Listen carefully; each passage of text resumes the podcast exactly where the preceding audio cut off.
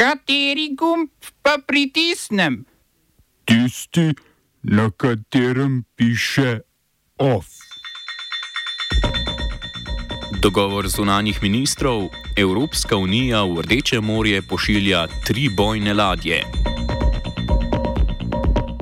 Ruska vojska severno od Donetska zauzela mesto Audijuka. Protivladni protestniki v Zagrebu za predčasne volitve. Operaterji klicnega centra 112 pričeli stavko.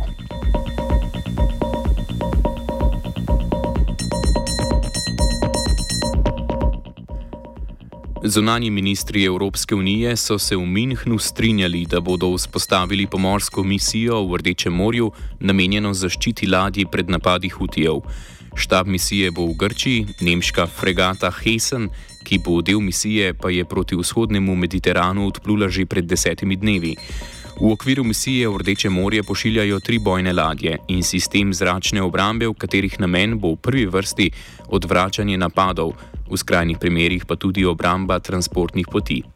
Misija bo ločena od ameriško-britanske operacije, v sklopu katere zahodni imperialisti tudi bombardirajo Jemen.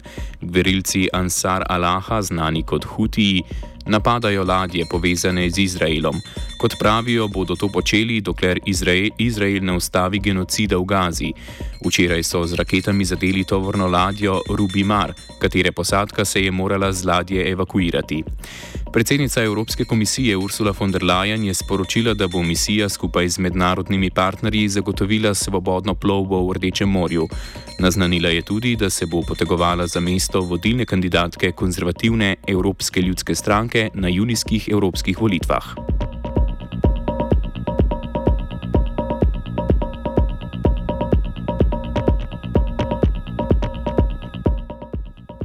Bolnišnica Nasr v Han Junisu ne deluje več.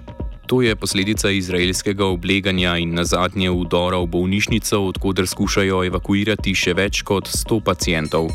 Izraelska vojska je v Gazi pobila približno 29 tisoč ljudi. Strelja tudi na tiste, ki, poskušajo, ki poskušajo do hrane na tovornjakih za humanitarno pomoč. Po izjavi brazilskega predsednika Lula da Silve, v kateri je genocid v Gazi primerjal s holokaustom, ga je izraelski zunani minister Izrael Katz označil za persono non grata v Izraelu.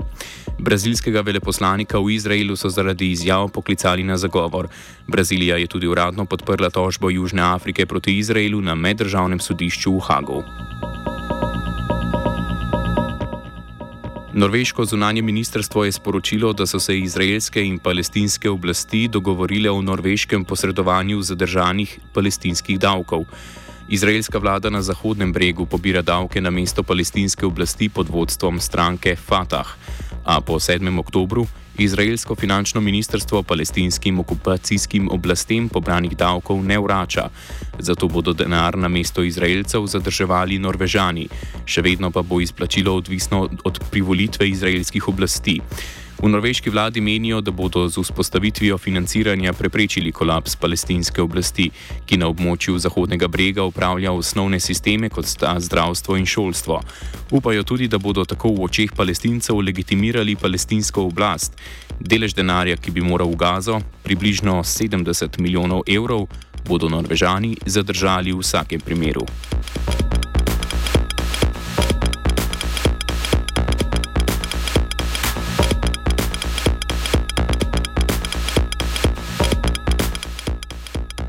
Ruska vojska je prevzela nadzor nad mestom Audijuka v ukrajinski regiji Donetsk, kjer deluje največja tovarna predelanega premoga oziroma koksa v Ukrajini.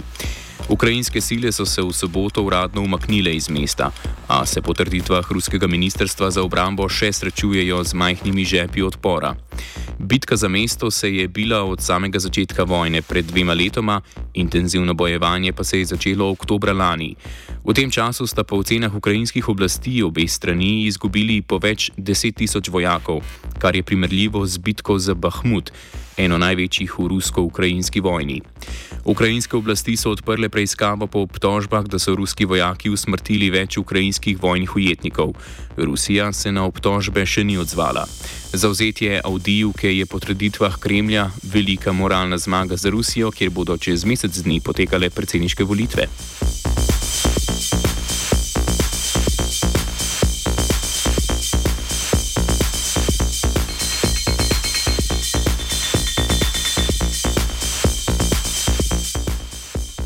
Ustavno sejo Beograjskega mestnega sveta so zaradi nesklepčnosti predstavili na 1. marec. Člani Srpske napredne stranke in socialistične stranke Srbije se seje namreč niso udeležili, saj stranki nimata večine v Beograjskem svetu, v katerem je pred volitvami vladal Aleksandar Šapič, sluga predsednika države Aleksandra Vučiča.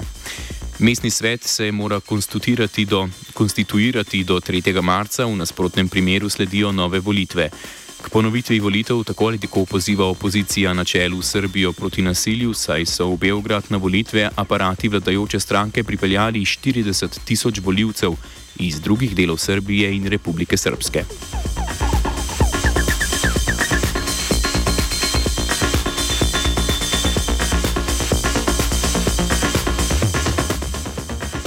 Predčasne volitve zahtevajo tudi na Hrvaškem. Protest je v soboto organiziralo 13 opozicijskih strank, socialdemokratsko stranko in možemo na čelu, udeležilo pa se ga je okoli 7000 ljudi. Vladi Andreja Plenkoviča so učitali predvsem korupcijo in onemogočanje novinarskega dela s premembami kazanskega zakonika. Redne parlamentarne volitve bodo na Hrvaškem sicer septembra.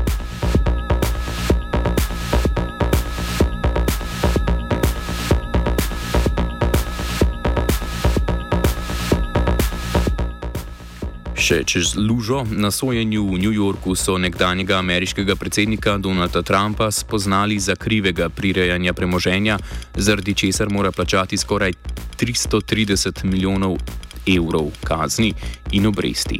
Sodba zadeva njega, njegova dela sodba zadeva njega, njegova dva najstarejša sinova, podjetje The Trump Organization in vodstvo podjetja. Sodišče je kot kazan uvedlo tudi nadzor podjetja in omejitev njegovega poslovanja. Kot je ugotovilo sodišče, je Trump z vodstvom podjetja redno precenjeval premoženje organizacije za namene lažjega pridobivanja posojil in investitorjev. Trump je že napovedal, da se bo na sodbo pritožil in jo označil za umešavanje v volitve ter zlorabo oblasti proti političnim nasprotnikom. Trump je vodilni kandidat republikancev za jesenske predsedniške volitve, za nominacijo pa se poteguje še nekdanja guvernerka Južne Karoline Nikki Haley. Smo se osamosvojili, nismo se pa osvobodili. Naslednje število je še 500 projektov izpiljene modele, kako so se strani nekdanje LDS rotirali. Ko to dvoje zmešamo v pravilno zmes, dobimo zgodbo o uspehu. Takemu političnemu razvoju se reče udar. Jaz to vem, da je nezakonito, ampak kaj nam pa ostane? Brutalni obračun s politično korupcijo. To je Slovenija, tukaj je naša zemlja, to je Slovenija, Slovenija, Slovenija. Operaterji klicnega centra številke 112 so pričeli stavko. Zaradi stavke center za klic v sili ni prenehal delovati. Ustavili so le najnujne administrativne postopke. Stavka sicer poteka v vseh 13 regijskih centrih in v srednjem centru. V skladu z zakonom o naravnih nesrečah imajo namreč operaterji zelo okrnjeno pravico do stavke. Ovira jih lahko tudi sklep generalnega direktorja civilne zaščite Leona Behina o minimalnem delovnem procesu. Stavkajoči, ki jih vodi sindikat Ministrstva za obrambo, zahtevajo predvsem zvišanje plač, ki so med nižjimi v državni upravi. Več o zahtevah operaterjev pove predsednik sindikata Ministrstva za obrambo Marjan Lah.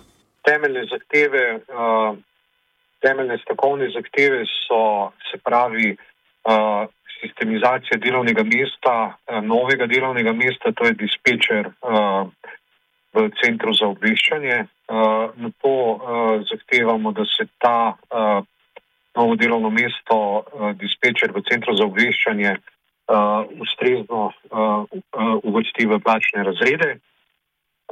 Nadalje zahtevamo, da poenotijo možnost, da imajo vsi v času dela enak oziroma čas za malico. Uh, potem so tudi zahteve, ki so uh, vezane na uh, samo uniformo ali delovno oblačilo. Nadalje je podana zahteva, da se od kibernetskega napada naprej ni možnosti kasnejšega poslušanja pogovorja, pogovora klicatelja. In to je na nek način uh, v grobem uh, so te strokovne zahteve. In ja, najbolj pomembna je uh, kolektivna pogodba za obrambo, zaščito in reševanje. Vladna stran je že pred začetkom stavke zaposlenim predlagala dogovor, a v sindikatu menijo, da je nekonsistenten in nerealen. Pogajanja se bodo nadaljevala v sredo, vladna stran pa ustraja pri ureditvi pl problema plač v okviru celotnega javnega sektorja.